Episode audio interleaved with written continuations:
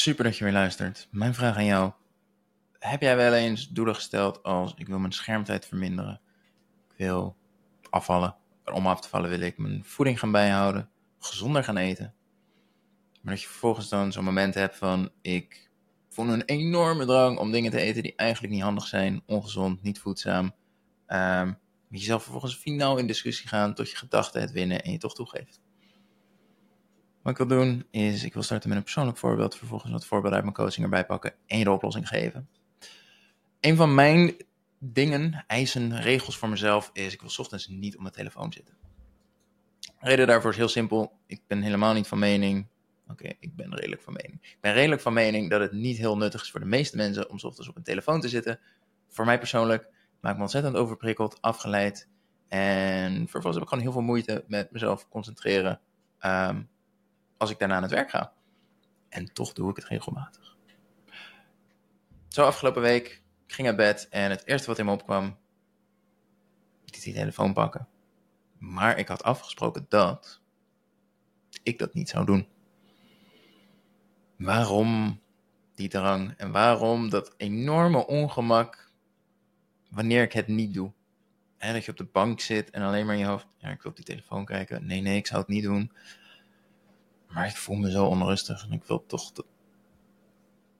Dus een van de beste overtuigingen die ik gelukkig heb, wel. Ik kies voor de lastige weg, de weg van de meeste weerstand. Dus het feit dat hier zoveel weerstand op zat, was voor mij een teken. Dit moet ik doen. Dus ik liet het ongemak er zijn en onderzocht: oké, waar, waar gaat dit nou eigenlijk over? Waar komt dit vandaan? Um, en dat was het volgende. Ik had. Um, ik had recent een, eh, een, een gratis sessie voor de coaching waarin zij heel enthousiast was en zei: Absoluut, ik wil heel graag starten. Ik uh, rond direct mijn aanmelding af voor mijn formulieren, mijn leefstijlanalyse in en, um, en ik ben heel benieuwd. Fantastisch natuurlijk. Alleen, vervolgens hoorde ik dus niks meer van haar. En um, ja, dat vond ik dus blijkbaar wel lastig. Zo van: Oké, um, je was heel enthousiast, nou hoor ik niks meer van je. Is er iets veranderd? Deed ik iets niet goed? Ben je teleurgesteld? Uh, vond je het spannend? Of is het ondertussen al geregeld en heb ik gewoon de mail nog niet gezien? Dus mijn drang om daar mijn telefoon te zitten was gewoon een kwestie van: ik wil en van dit ongemak af, van deze onzekerheid af, dan wel, ik wil gewoon zeggen, de bevestiging. Oh, misschien is het al lang opgelost en was er niks aan de hand. Maar de vraag is, doet het ertoe? Of ze nou wel een reactie heeft gegeven of geen reactie heeft gegeven, positief of negatief. De situatie blijft hetzelfde. Ik zit met mijn telefoon, ik ben afgeleid, heb straks moeite met concentreren, ben overprikkeld en ik ben mijn afspraak met mezelf niet nagekomen en dus ontevreden. Plus het lost gewoon helemaal niks op. Het maakt juist een nieuw patroon dat iedere keer dat zoiets voorkomt, ik het mezelf heb goed gepraat en daarmee mijn concentratie voor de rest van de dag verziek. Wat is het alternatief? Nou in dit geval gewoon loslaten. Laat het lekker ongemakkelijk zijn. Ga doen wat je moet doen. En zet misschien een notitie in mijn agenda van eind van de dag even inchecken bij de persoon in kwestie of er iets gaande is of dat het gewoon vergeten is, wat dan ook, en, uh, en opgelost. En dit zie ik dus ook heel veel in coaching terug. Aversie voor bepaalde handelingen en acties die juist zo goed werkten. Dat vijf, zes weken lang voeding wordt bijgehouden, gewicht daalt als een speer en ineens geen zin meer. Zo'n aversie naar het bijhouden. Of beginnen met sporten, daar enorm plezier in hebben en ineens is er geen motivatie meer om te sporten. De stomste fout die je dan kan maken is om je daarop te richten. Hoe kan ik mezelf motiveren om te sporten? Hoe kan ik mezelf pushen? Hoe kan ik gedisciplineerder zijn om bij te houden? En daar zit een stukje van de oplossing, maar niet meer dan dat, een klein stukje.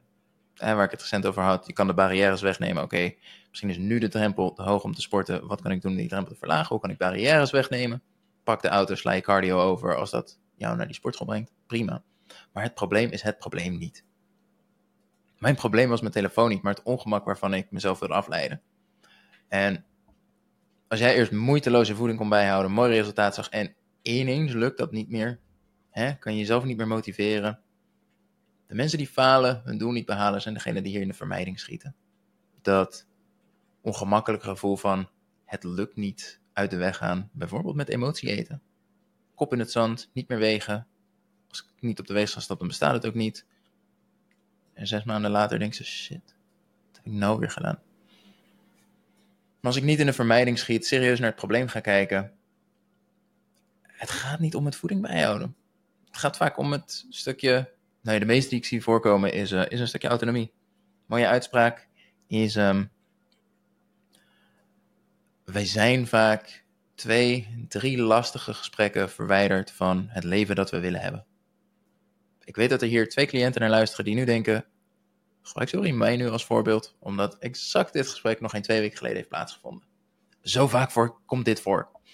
Het werkelijke probleem is die collega waar je niet tegen durft uit te spreken. Je baas die je meer werk geeft dan je aan kunt, maar jij die liever 20 uur extra werkt, dan te falen in zijn ogen. Je man die thuis te, te weinig doet en jij die daar de consequenties van ondergaat. Of een gebrek aan verbinding in je relatie, die daar het gevolg van is. Dat wordt je allemaal te veel. En dan komen we bij vermijding als emotie eten, overmatige schermtijd, series bingen.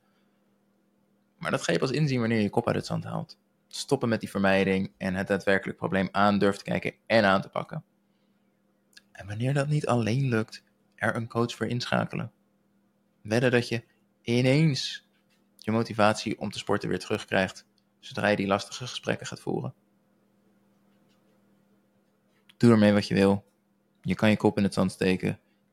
Je kan hier actie op ondernemen. De keuze is aan jou. Dankjewel voor het luisteren. Als je deze aflevering waardevol vond, laat alsjeblieft een recensie achter op de podcast.